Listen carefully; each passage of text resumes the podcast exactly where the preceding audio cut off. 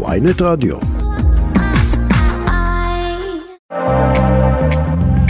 ערב טוב, מאזיני ynet רדיו, אתם על כסף חדש, שבוע טוב לכם, התוכנית הכלכלית היומית של ynet רדיו, אני רועי כץ, עורך שילה פריד על הביצוע הטכני, ניר אקמן ועמרי יואב. לנו יש שעה עמוסה עמוסה לקראת השביתה מחר במחאה נגד הרפורמות המשפטיות.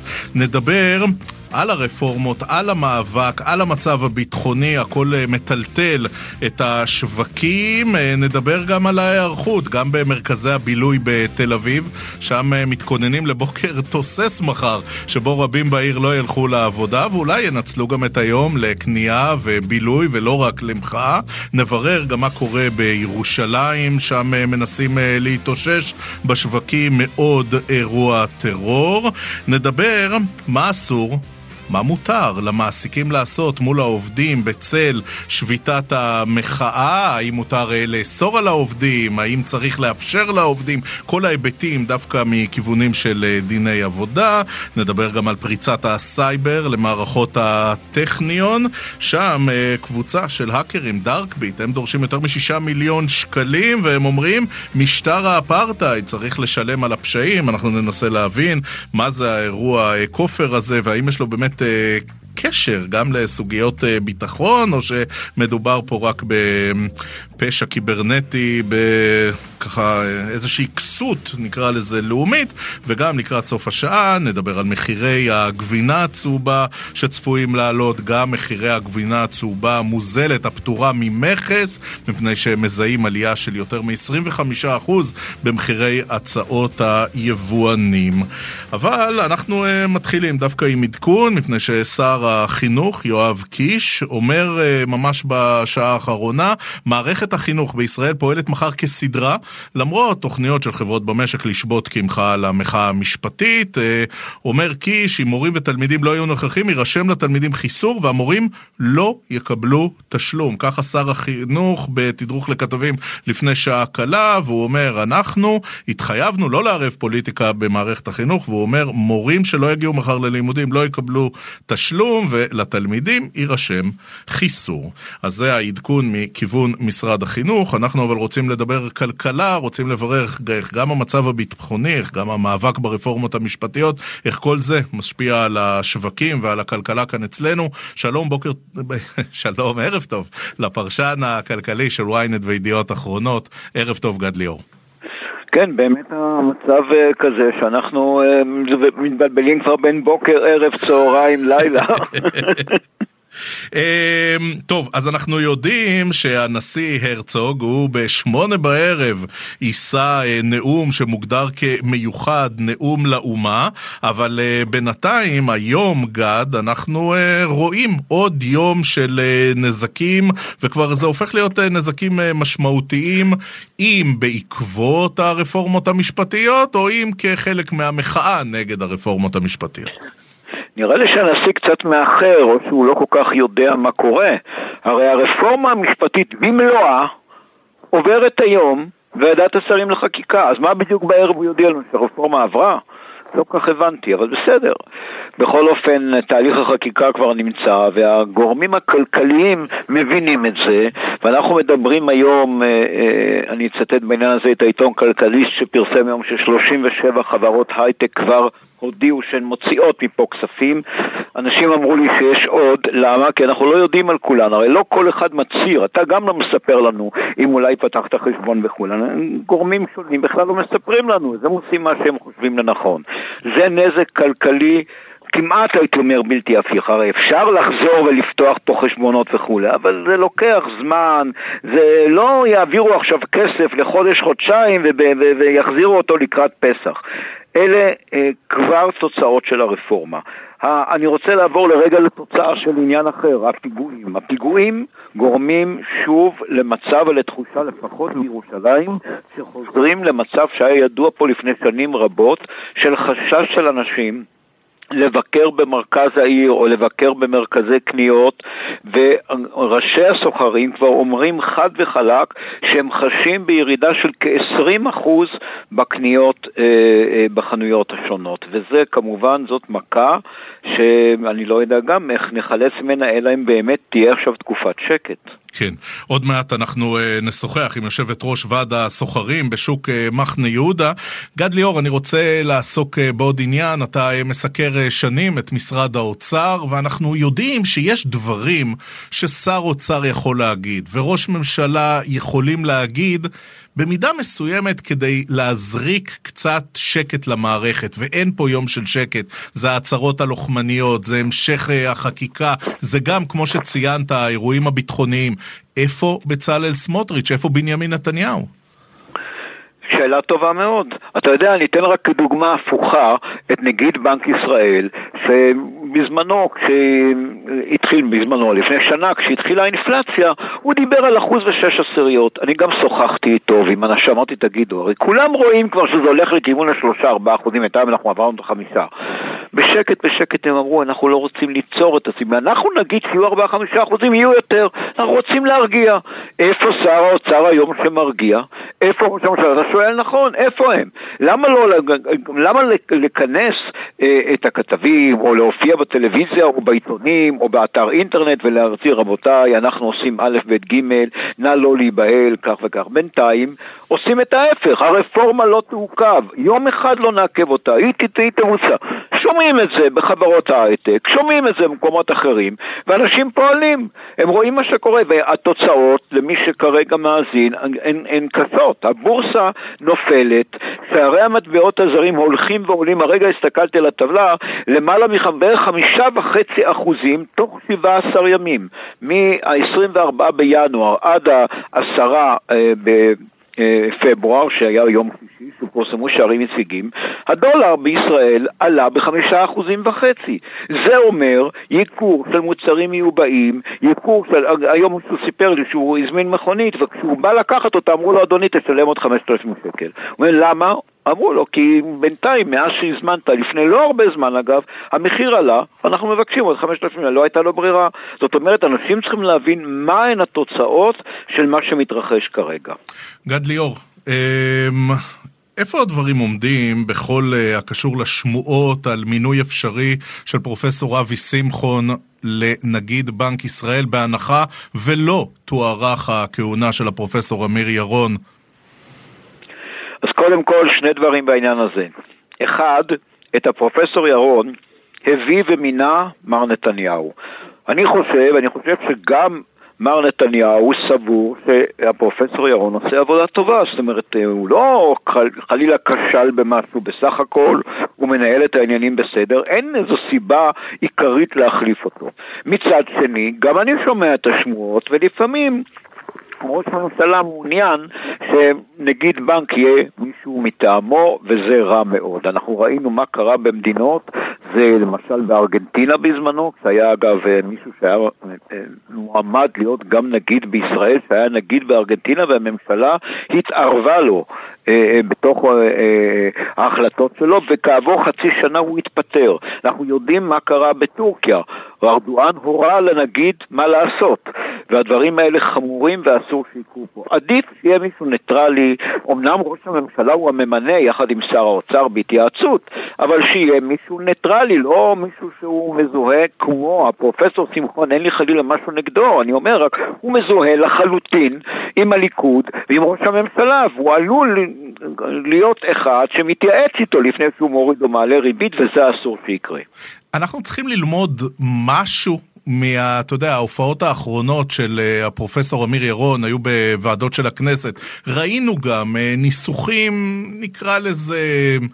לא מאוד ידידותיים כלפיו, נגיד מיושב ראש ועדת הכספים, חבר הכנסת משה גפני. משהו מזה אנחנו יכולים ללמוד על ההחלטה האם לתת או לא לתת קדנציה שנייה, גם אה, ברורה ההתנגדות שלו לרפורמות המשפטיות של לוין ונתניהו? אה, אתה שואל נכון. זאת אומרת, זה בהחלט יכול להשפיע. אני רק אתן דוגמה, אנחנו לא יודעים, יש כל מיני הערכות, לא יודעים מדוע המפקח על הבנקים, יאיר אבידן, הודיע על סיום תפקידו.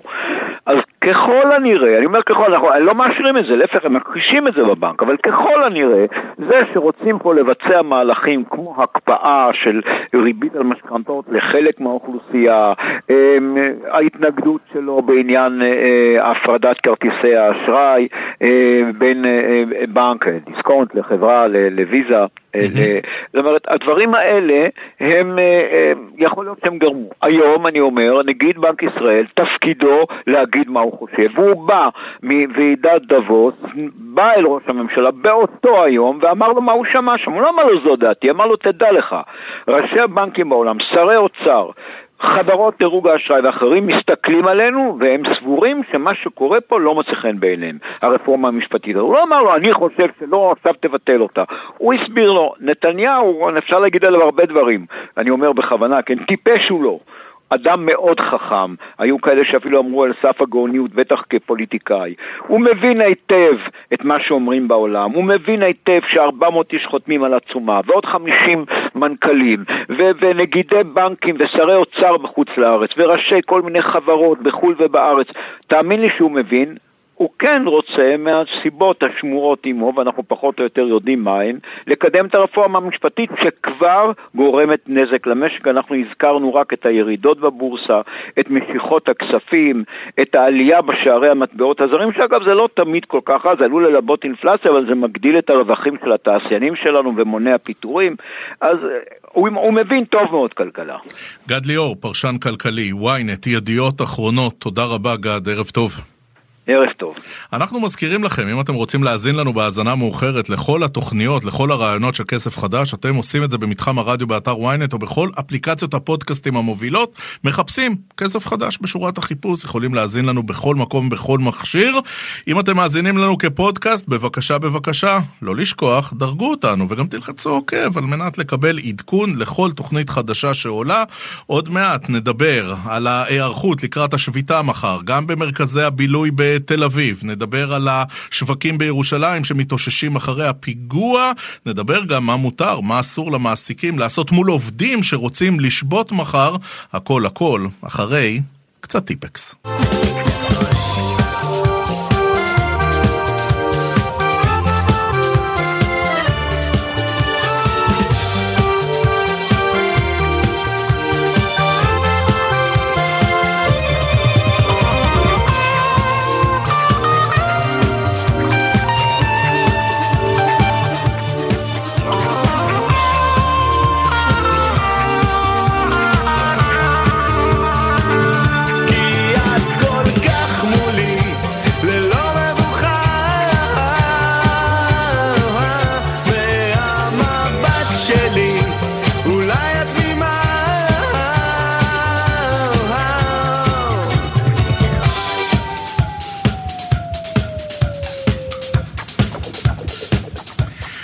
כסף חדש, התוכנית הכלכלית היומית של ynet רדיו. אנחנו ממשיכים, נערכים לשביתה מחר. איך זה ייראה בעיר אה, תל אביב, שבינתיים מובילה את המחאה, אבל לא בטוח שכולם יעלו לירושלים. יכול להיות שחלק ינצלו את היום גם לקצת כיף, אומרים שלום, ערב טוב למנכ"ל, הבעלים המשותף של דיזינגוף סנטר, ערב טוב, דן פילץ.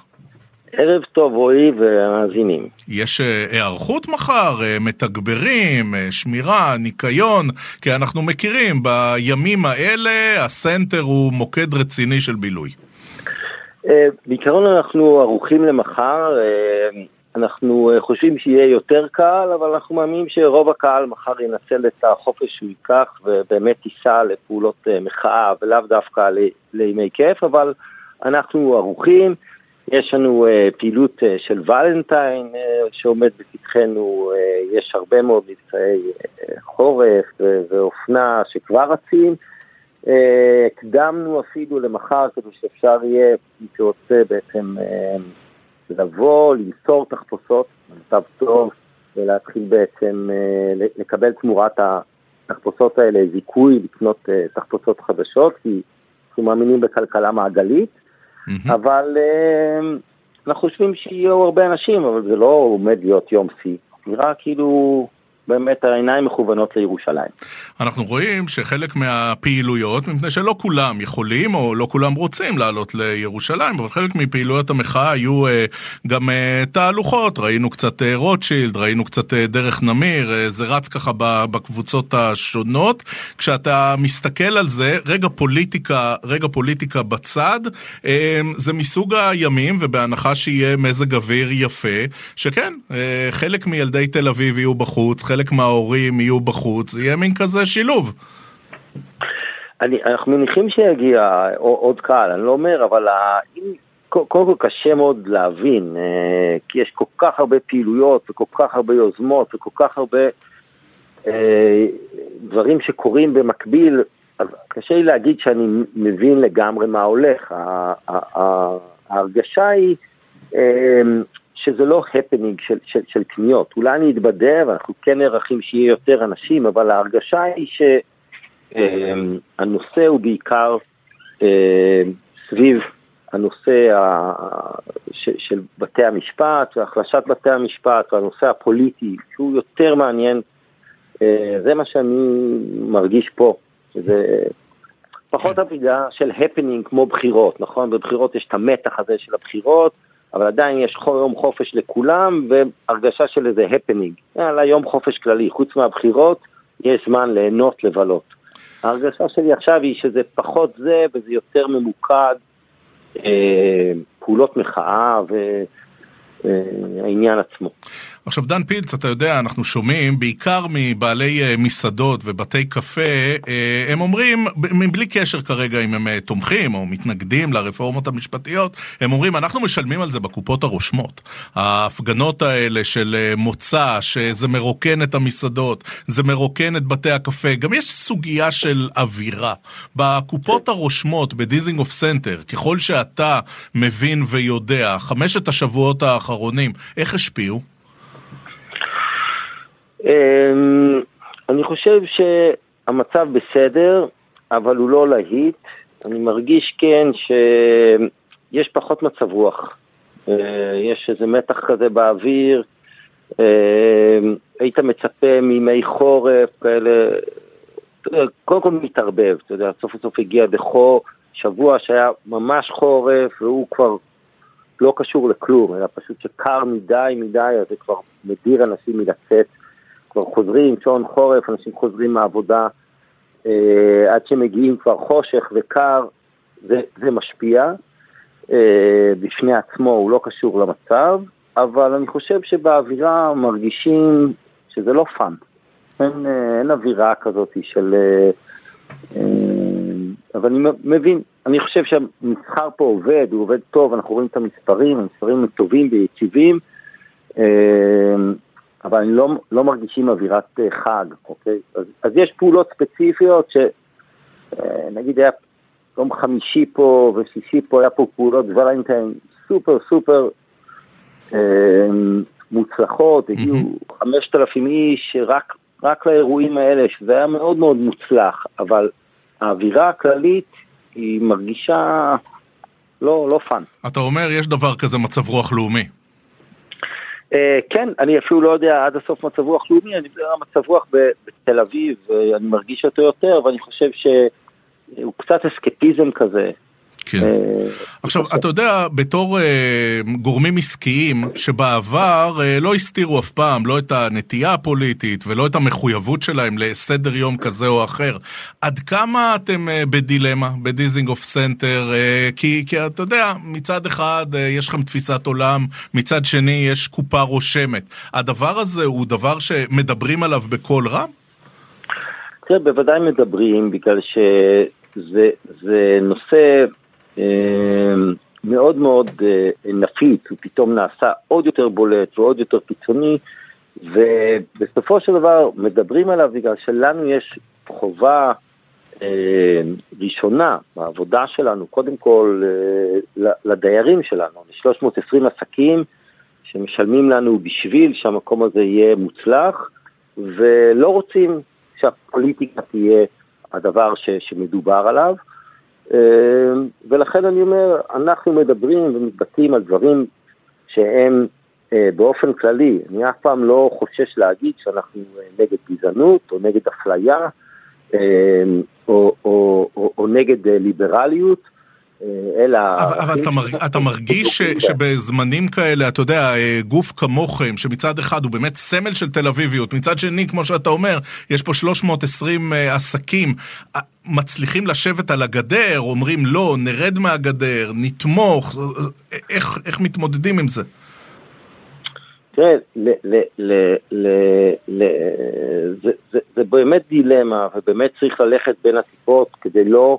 אה, מצד אחד לא לפגוע באנשים שזו הפרנסה שלהם, שיש לנו קשר ואחריות לדבר הזה, ומצד שני את אותם דברים שהם אה, ערכים אה, שאנחנו דוגלים בהם, שאנחנו לא מחביאים אותם. אה, לעולם אמרנו שאנחנו לא ניתן שום יד לאפליה. זה נכון בכניסה עם תו ירוק, וזה נכון לגבי למי מוכרים.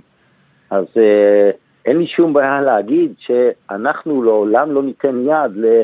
אפליה אה, לא של אה, קהילה א' ולא של קהילה ב', אני לא יכול לדמיין שאנחנו נפלה פה דתיים או חרדים או להט"בים או ערבים או...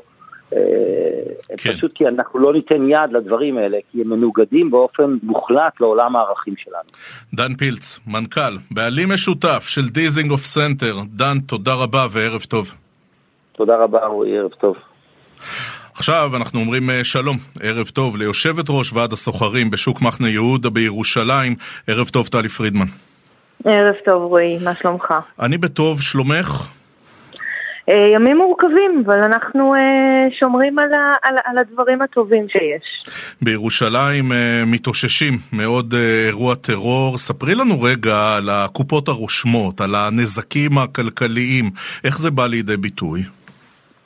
אנחנו uh, קושרים uh, דבר בדבר, uh, ואני חייבת לציין ולומר שאנחנו בימים שאומנם הם לא ימים כתיקונם והם ימים מורכבים לכולנו, גם בארץ ובטח ובטח כאן בירושלים, אחרי אירוע טרור קשה ורצף של אירועים, אבל לצערנו ולשמחתנו, ואני אומרת את זה באותה נשימה, אנחנו מורגלים בדבר ולכן השגרה אה, חוזרת אלינו מאוד מאוד אה, מהר.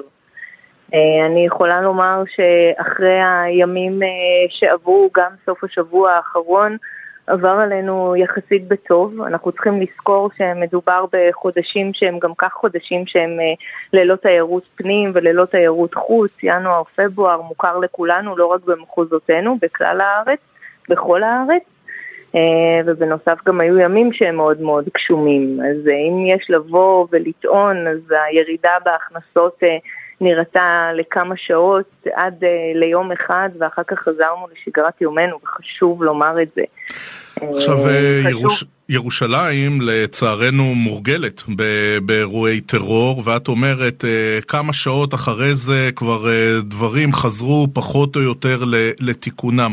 אבל הרצף הזה, טלי פרידמן, של אירוע ביום שישי, אחרי זה, אחרי כמה שבועות עוד אירוע ביום שישי, מתי הוא כבר, אה, מת, מתי הוא הופך לנזק של ממש בגלל, בגלל הרציפות?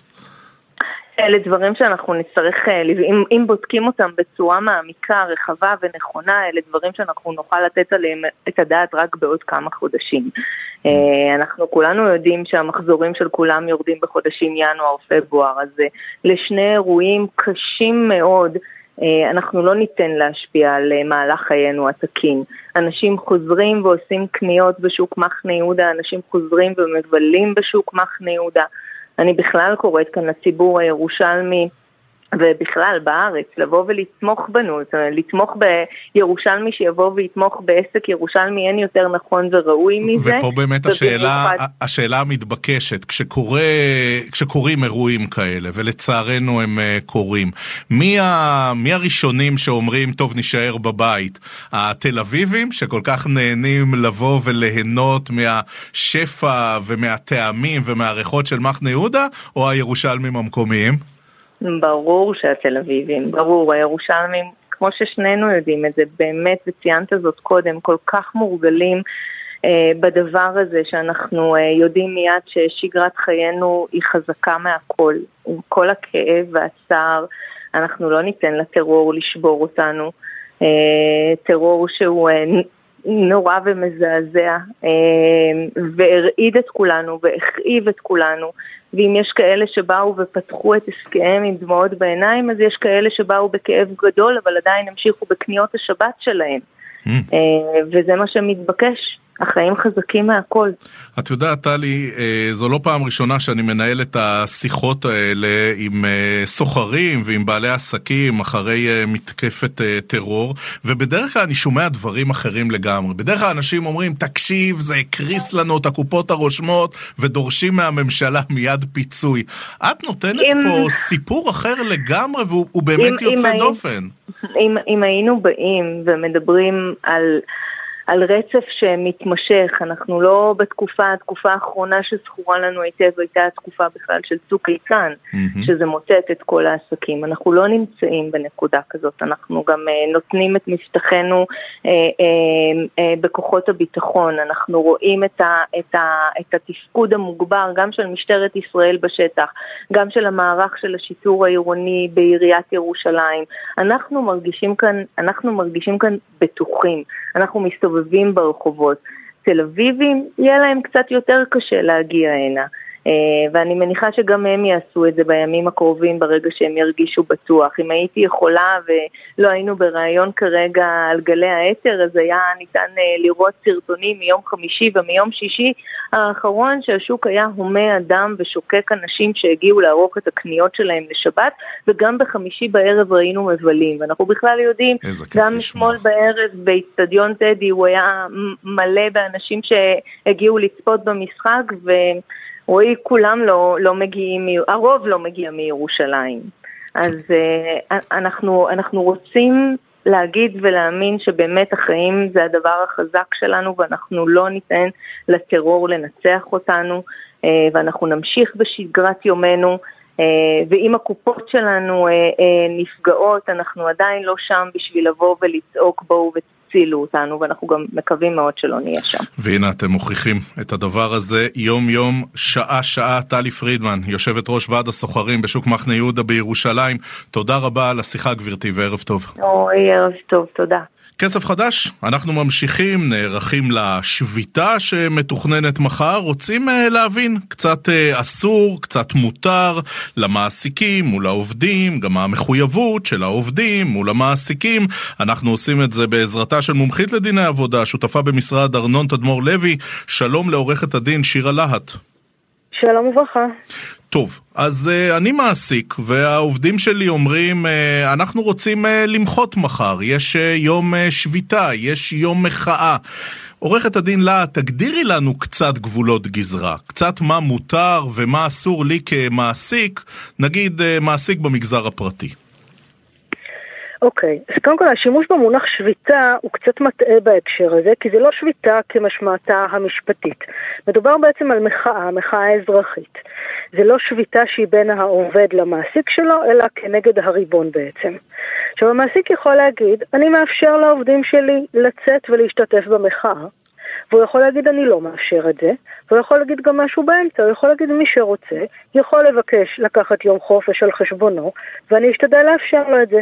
אבל אין חובה לאף אחד מהדברים, אין חובה לאפשר חופש ואין חובה, חובה לאפשר היעדרות על חשבון המעסיק. בעצם המחוקק לא כל כך uh, לקח דברים כאלה בחשבון, נכון? זאת אומרת, זה לא סכסוך עבודה, וכמו שאמרת, זה לא uh, חוסה תחת הגדרה של שביתה, יש פה איזה משהו שהוא קצת uh, וייג, הוא קצת היברידי כזה. לגמרי, אפילו בחלק מהמקומות אנחנו רואים שזה בכלל יוזמה של המעסיקים. בכל מיני חברות הייטק היוזמה למחאה היא מצד המעסיק והוא קורא ומעודד את העובדים שלו למחות ולקחת את יום השביתה הזה. עכשיו, אם אה, אני עובד ואני מבקש מהמעסיק אה, למחות מחר ואני רוצה לקחת יום חופש כדי לעשות את זה, הוא חייב לתת לי או שהוא יכול להגיד, תקשיב, אה, לא, אתה לא יכול אה, לבקש מחר יום חופש, אינני מאשר לך יום חופשה מפני שזה פוגע בארגון, מותר לו? מותר לו, כי אני מזכירה שחופש זה אומנם זכות של העובד, אבל צריך לתאם אותה מראש, ומי שמאשר את מועד החופש זה המעסיק. והרעיון של התיאום מראש זה באמת לוודא שלא תהיה פגיעה בעבודה השוטפת. שהמעסיק לא יכול למנוע חופש סתם כי בא לו, אבל אם הוא אומר שצורכי העבודה לא מאפשרים מתן חופש, שיקול הדעת הוא כולו של המעסיק והוא לא חייב לאפשר את החופש. עכשיו, דיברנו אה, על המגזר הפרטי. בשביתה מחר אפילו מדברים במידה מסוימת על אה, מגזרים שאת יודעת, בתי ספר, אה, אוניברסיטאות, גופים אחרים, שם הדבר הזה נהיה מסובך עוד יותר. נכון, כי לעובדי מדינה ועובדי גופים ציבוריים אסור להיות מעורבים בפעילות פוליטית.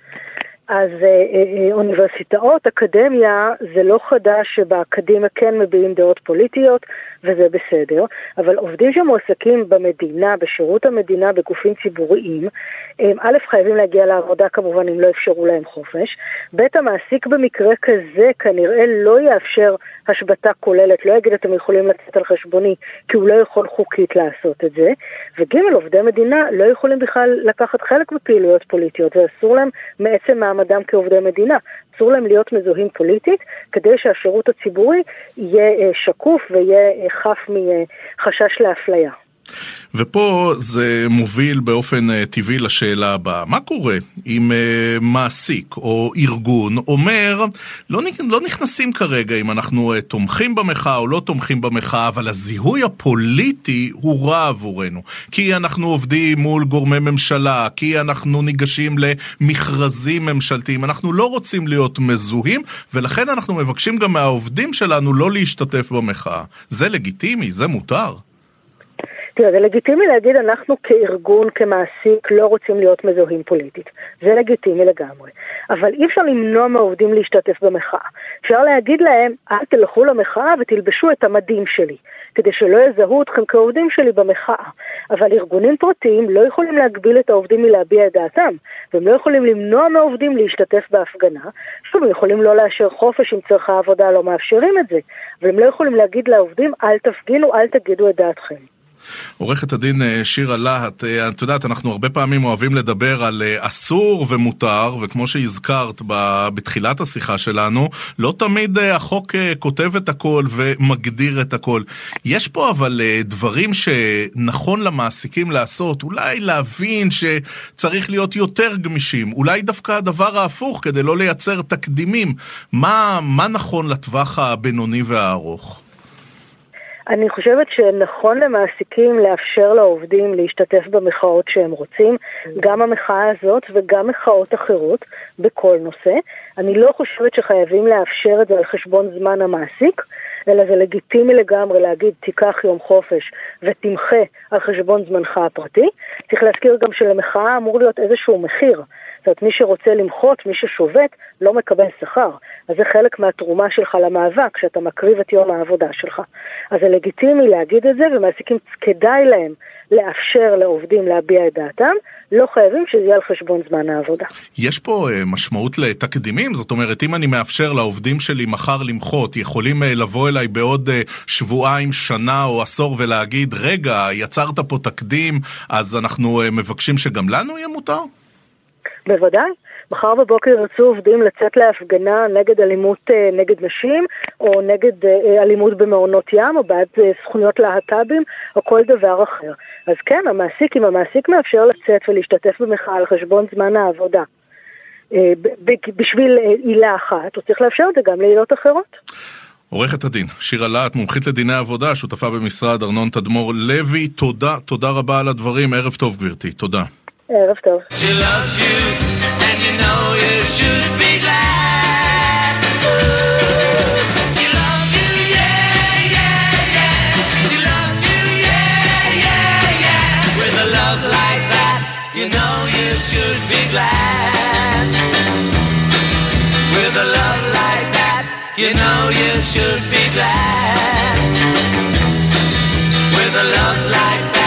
You know you should be glad.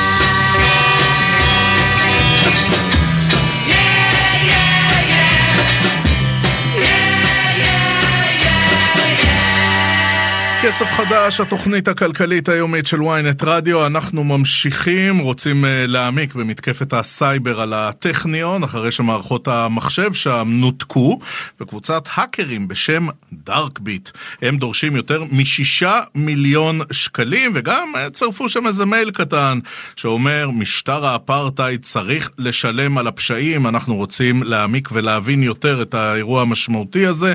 אומרים שלום, ערב טוב, אלי זילברמן כספי. ערב טוב. מייסד שותף בחברת Confidas, החברה להגנה וניהול משברי סייבר. אלי, קודם כל אני, נתייחס רק למה שהיה שם במייל המצורף. זה שכתוב mm-hmm. משטר, האפרטהייד, וצריך לשלם על הפשעים, זה כן. מלמד משהו, או שסתם מדביקים את זה כדי שנחשוב שזה אולי לאומני, אבל בעצם זה הכל כסף, כסף, כסף? אה, לא, חד משמעית, הדבר הזה בהחלט מלמד. אה, קודם כל, אה, המטרה של קבוצות מדינתיות, מי שעומד בדרך כלל מאחורי תקיפות כאלה, זה לבצע בעצם פיגוע תודעתי, הם משתמשים במימד הסייבר כדי להשיג את זה, והנה כולם שומעים על, ה, על התקיפה, על uh, הורדה על הברכיים של מוסד מאוד חשוב במדינת ישראל, הדבר הזה משפיע על החוסן הלאומי, וזו המטרה. יותר מכך אני יכול להגיד, שאם אכן הסיפור היה סיפור של כסף, כלומר קבוצות שתוקפות על מנת אה, לקבל כופר, הן לא מתנהלות בצורה הזו, הן מתנהלות בצורה אה, אל מול הארגון, בצורה דיסקרטית, ורק במידה ומשא ומתן הגיע לפיצוץ ולא שולם, רק אז הם אה, בעצם מפרסמים, ומפרסמים את המידע בדרך כלל שהם גנבו. עכשיו, כשתוקפים אה, גוף אקדמי כמו הטכניון, מה, מה רמת המבוכה שאפשר שם לגרום? שהרי אה, אם, אה, אתה יודע, אה, מפרסמים דאטה שמביכה או כזו כן. שהיא דיסקרטית, אנחנו עוד יכולים להבין, אבל מה יש לטכניון? תראה, יש בגדול שלוש, שלוש קבוצות של מידע שמעניין או נזק שאפשר לייצר. אחד זה הנזק אה, האופרטיבי. כבר עכשיו אנחנו יודעים שנדחו מבחנים, הדבר הזה משפיע על חיי היום-יום של אלפי תלמידים, מרצים ואנשי צוות שקשורים לטכניון. יש פה הפרעה לחיים ולשגרת החיים במדינת ישראל, זה דבר ראשון. דבר שני, הנזק השני הוא המידע האישי. יש מידע אישי רב שנאסף במערכות בארגון גדול כמו הטכניון, שאותו אפשר לנצל גם להתקפות הבאות, לתקיפות קדימה, וגם לפרסם אותו לכל המרבה במחיר, או לפרסם אותו להמשך אה, תקיפות של ארגונים אחרים, מי שירצה בדארקנט. וסוג הנזק השלישי זה בעצם המחקרים היותר מתקדמים, פורצי הדרך, המידע, או הקניין הרוחני, של, נקרא לזה ככה. הקניין הרוחני, בדיוק, החזית של התגליות שבעצם קורות, ואנחנו יודעים שהטכניון, הדברים האלה קורים שם הרבה. אלי, היית מעורב בניהול אה, משבר אה, שירביט, אז זה עשה הרבה הרבה רעש. תן לנו קצת את הצעדים, נקרא לזה את מסלול ניהול המשבר מרגע שמבינים את חומרת העניין. יפה, אז כשניהלנו את uh, אירוע שירביט, דבר ראשון, כמו שאמרת, הדבר הכי חשוב זה להבין את חומרת העניין. לפעמים הדבר הזה לוקח זמן, פה נראה שהפעמוני האזעקה צלצלו ובזמן, זה נראה תקין. הדבר הבא שקורה זה מרכיבים את צוות ניהול האירוע. צוות ניהול האירוע בנוי מצוות טכני, אה, שהתפקיד שלו, אחד, לגלות מאיפה קרתה הפריצה ולסגור שם את הפרצה. דבר שני, התפקיד שלו זה להתחיל להחזיר את המערכות, ברגע שנסגרה הפרצה שממנה אה, נכנס התוקף, להחזיר את המערכות. יש צוות רגולטורי שעוסק בכל הדיווחים שצריך לעשות, ובמקרה כזה יש ריבוי גופים שצריך לדווח אליהם, בין היתר הרשות להגנת הפרטיות, מערך הסייבר יכול להיות מעורב, לפעמים גם משטרה, אה, במקרים כאלה כנראה שגם גופי מדינה אחרים יכולים אה, להתעניין באירוע כזה, אם יש שם מידע מאוד חריג כמו שב"כ וכולי. יש צוות של משא ומתן שצריך להגיע לאיזושהי, אה, אה, להבין מי נמצא בצד השני, ואם צריך לייצר משא ומתן, אז להתחיל את המשא ומתן הזה, את התקשורת. במקרה הזה, בגלל שיש אינדיקציות חזקות, שזה מי שנמצא בצד השני הוא גוף מדינתי, אז אנחנו הרבה פעמים ממליצים גם אפילו לא, לא, לא לתקשר איתם, כי הם מפרסמים את ההתכתבויות האלה אחר כך ומשתמשים בזה, בזה לטובתם. יש צוות שהוא מודיעיני, שהתפקיד שלו זה באמת להבין מי נמצא בצד השני, בדיוק איזה קבוצה, מה הולך לקרות, ולצפות את צעדי היריב ולעזור לנו בעצם לנהל את האירוע, ויש את צוות ניהול האירוע, שהתפקיד שלו זה בעצם לעזור למנהלים לנהל את הסיכון, כי בסוף, בסופו של דבר, בסיטואציה כזו, צריך לנהל את הסיכון, כי יש הרבה בחירות שצריך לעשות, צריך להבין דברים טכניים, שהנהלה הרבה פעמים לא נמצאת ברזי הפרטים הטכניים, התפקיד שלנו, של צוות ניהול המשבר, זה בעצם לחבר ולתת להנהלה לבצע את ההחלטות הנכונות על בסיס ניהול סיכונים אה, מושכל ולנהל את שאר הצוותים. אלי זילברמן כספי, אתה יודע, כשאתה אומר ניהול סיכונים, אנחנו מכירים את זה מזירות אחרות. יש איזו נקודה שבה לפעמים אומרים לארגון, תקשיבו, תשלמו, זה יעלה לכם פחות? כן, לפעמים אנחנו עושים את זה, לפעמים אנחנו עושים את זה, אבל צריך, אה, צריכים להתקיים לא מעט תנאים כדי שהדבר הזה יקרה. דבר ראשון, אנחנו צריכים לזה, לזהות את הקבוצה שמולה אנחנו מתמודדים. קבוצות, וזה יישמע לך מוזר, אבל זה אמיתי ככה, שקבוצות אה, תקיפה שתוקפות בשביל כסף, יש להן מוניטין. מה זה אומר? זה אומר שאנחנו, הקהילה המקצועית יודעת שאם אנחנו נשלם, המידע הזה באמת לא יופץ אחר כך לאחרים. והם עמלים מאוד מאוד קשה כדי לשמר את המוניטין הזה שלהם. אז דבר ראשון, אנחנו צריכים לדעת... אתה אומר אה, עברייני סייבר, אבל יש להם מילה. בדיוק, הם הרבה, אבל יש להם מילה, כי אחרת הרי מה, איך אנחנו נהיה, נוכל להיות אה, בטוחים במידה סבירה שהמידע הזה לא, לא יפורסם הלאה. אז הם, הם עובדים על זה בצורה מאוד מאוד משמעותית כדי לבנות את המוניטין שלהם, להסביר שאם עכשיו תשלם, המידע הזה אכן יימחק ו, ולא יופץ. אה, דבר שני, אה, גם הארגון עצמו צריך להבין מה רמת ההגנות שיש לו כרגע, בזמן הנתון הזה, והאם יש לו ברירה? יכול להיות שיכול להביא את המידע הזה מגיבויים, ויכול להיות שלא. יכול להיות שאין לו גיבויים, או הגיבויים נהרסו ונמחקו, גם זה יכול לקרות, ואין לו ברירה, אלא הוא צריך עכשיו אה, לשלם כדי להביא את המידע. אם אתה עכשיו אה, נשיא או... הטכניון, אתה אומר, עדיף לשלם שישה מיליון שקלים? במקרה הזה לא. במקרה הזה לא, מהסיבה הפשוטה שההערכה היא שמדובר בתקיפה שמי שעומד מאחוריה זו מדינה, ולא משנה מה, מה הטכניון יעשה מבחינת תשלום או לא תשלום, התוצאה היא תוצאה תודעתית. כן, וכשאנחנו אומרים מדינה, אנחנו הזה... מתכוונים לאיראנים.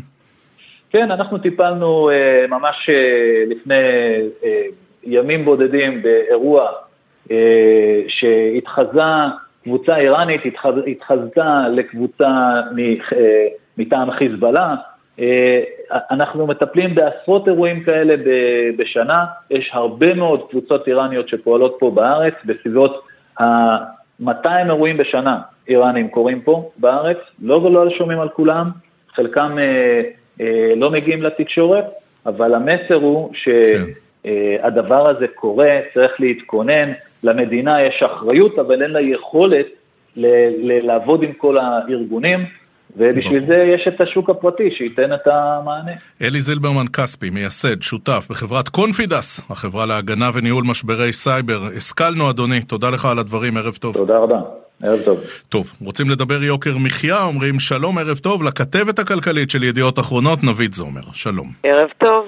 טוב, אמ, זו לא הפעם הראשונה שאנחנו משוחחים על מחירי הגבינה הצהובה. זו המוזלת, הפטורה ממכס. בפעם האחרונה ששוחחנו, נבית, היא קצת נגמרה על המדפים, כל מה שראינו נעלמה, זה רק... נעלמה, נעלמה זה ההגדרה הנכונה. כן, כן, ראינו רק שלטים. עכשיו אנחנו אה, מבינים מהדיווח שלך ש... זה יעלה לנו יותר בקרוב. כן, בהחלט זה יעלה יותר. היבואנים טוענים שמחירי החלב אה, באירופה התייקרו, וזה לא מפתיע, כי כמו שאנחנו זוכרים, מלחמת אוקראינה-רוסיה, גרעינים שאוקראינה יצאה לכל העולם אה, עכשיו במשורה, מה שנקרא, וגם להם מתייקר, ולכן אה, גם הגבינות המיובאות מתייקרות, מה שמלמד שיבוא זה לא תמיד הפתרון לכל דבר, mm-hmm. כי גם בעולם קורים דברים, ואנחנו לא בבועה, ולא רק אצלנו מתייקר. היום ראיתי שיוניליבר הוציאה הודעה שהיא יקרה ב-16% בשנה האחרונה את המוצרים שלה, זה הרבה יותר ממה שאצלנו, והם הודיעו שזה לא הסוף. אז... Uh, כן, ומה שקרה זה שיצא מכרז חדש למכסה פטורה ממכס לשנת 2023, והמחירים אה, גבוהים לפחות ב-25%, זאת אומרת, אם פעם שעברה זכו ב-27 שקל לקילו, אז עכשיו זה עובר את השלושה שקל לקילו. Mm. המכרז עדיין לא הסתיים כי הממונה על המכרז מנסה אה, ללחוץ את היבואנים לשפר את ההצעות, אבל בכל מקרה זה יהיה יותר יקר ממה שהיה, ולא במעט. עכשיו, נבית, מדובר פה בעצם בגבינה צהובה שמגיעה לא פרוסה, נכון? היא נכון, מגיעה בבלוקים. בבלוקים למעדניות. למעדניות. שם פורסים את זה בהתאם לדרישות הלקוחות, וזה אמור לייצר אלטרנטיבה תחרותית במחיר לאריזות שאנחנו מכירים של היצרניות. לא, לא רק לאריזות, גם לעמק בבלוקים. עמק בבלוקים זה בסביבות 4-4.20 שקל ל-100 גרם. זה היה, אה, באריזות הביאו בנפרד, נתנו גם איזה מכסה ליבוא באריזות, אבל ה... ההצעה הטובה ביותר לצרכן הייתה במעדניה בלא פרוס. עכשיו, אל מול אה, עמק בבלוק ב-4-2, אז גם ההצעות החדשות, אלה שעלו ב-25%, הן עדיין תחרותיות מאוד. הן עדיין יותר זולות. בואו נראה מה יהיה המחיר הסופי, זה, זה היבואן. אה, נראה שהרשתות באמת אה, מוכרות במחיר הזה. אבל כן, זה יהיה יותר זול, אבל הפער הולך ומצטמק, זה, ה... כן. זה הנקודה. עכשיו, מבחינת הכמויות, מה מדובר שם? ב-6,000 טון, נכון? 6,000 טון כרגע, למרות שהאוצר אמר שאם אה, אולי הוא יגדיל את זה על חשבון, יש גם מכסה לגבינות פרימיום. אה, אז אולי הוא יגדיל על חשבון זה, כרגע זה 6,000 אה, אה, טון. עכשיו תשאל למה זה מוגבל רק ל-6,000, למה לא... אני רציתי לשאול מהי גבינת פרימיום, אבל בבקשה, למה זה מוגבל רק ל-6,000 טון? כי זה חלק מההסכמים עם הרפתנים ועם משק החלב, שלא mm. פותחים, אה, לא פותחים ליבוא חופשי את נושא הגבינות הצהובות. אני לא יודעת אם אתה יודע, אבל כדי לייצר קילו גבינה צהובה צריך תשעה ליטר חלב.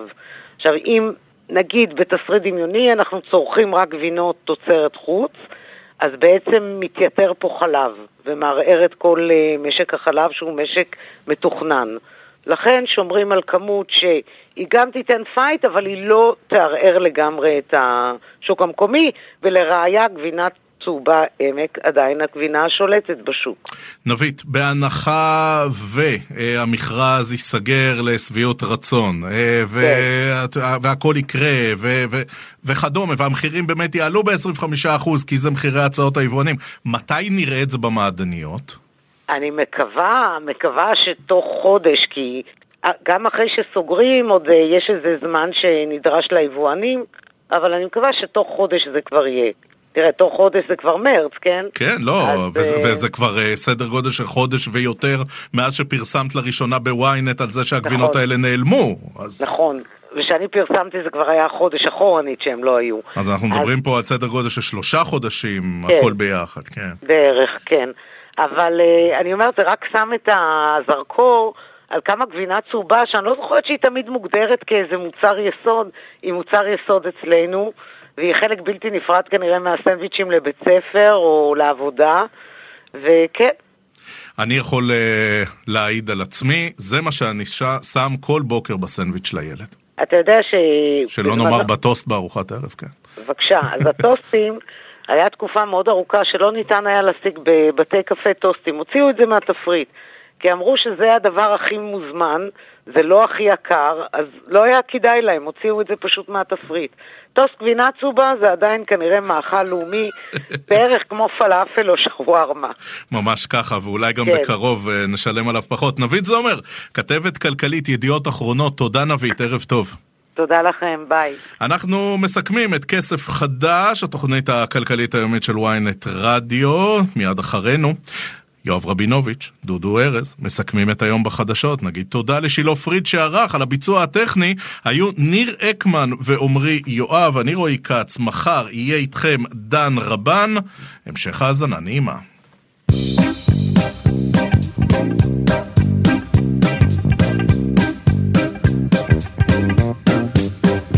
ועכשיו בשעה שכזאת מתגנבות מחשבות לא טובות. כשהחושך ברחובות מטשטש את העקבות. אני יוצא החוצה לבדי. כן עכשיו בשעה שכזאת מאוחר לחפש חגיגות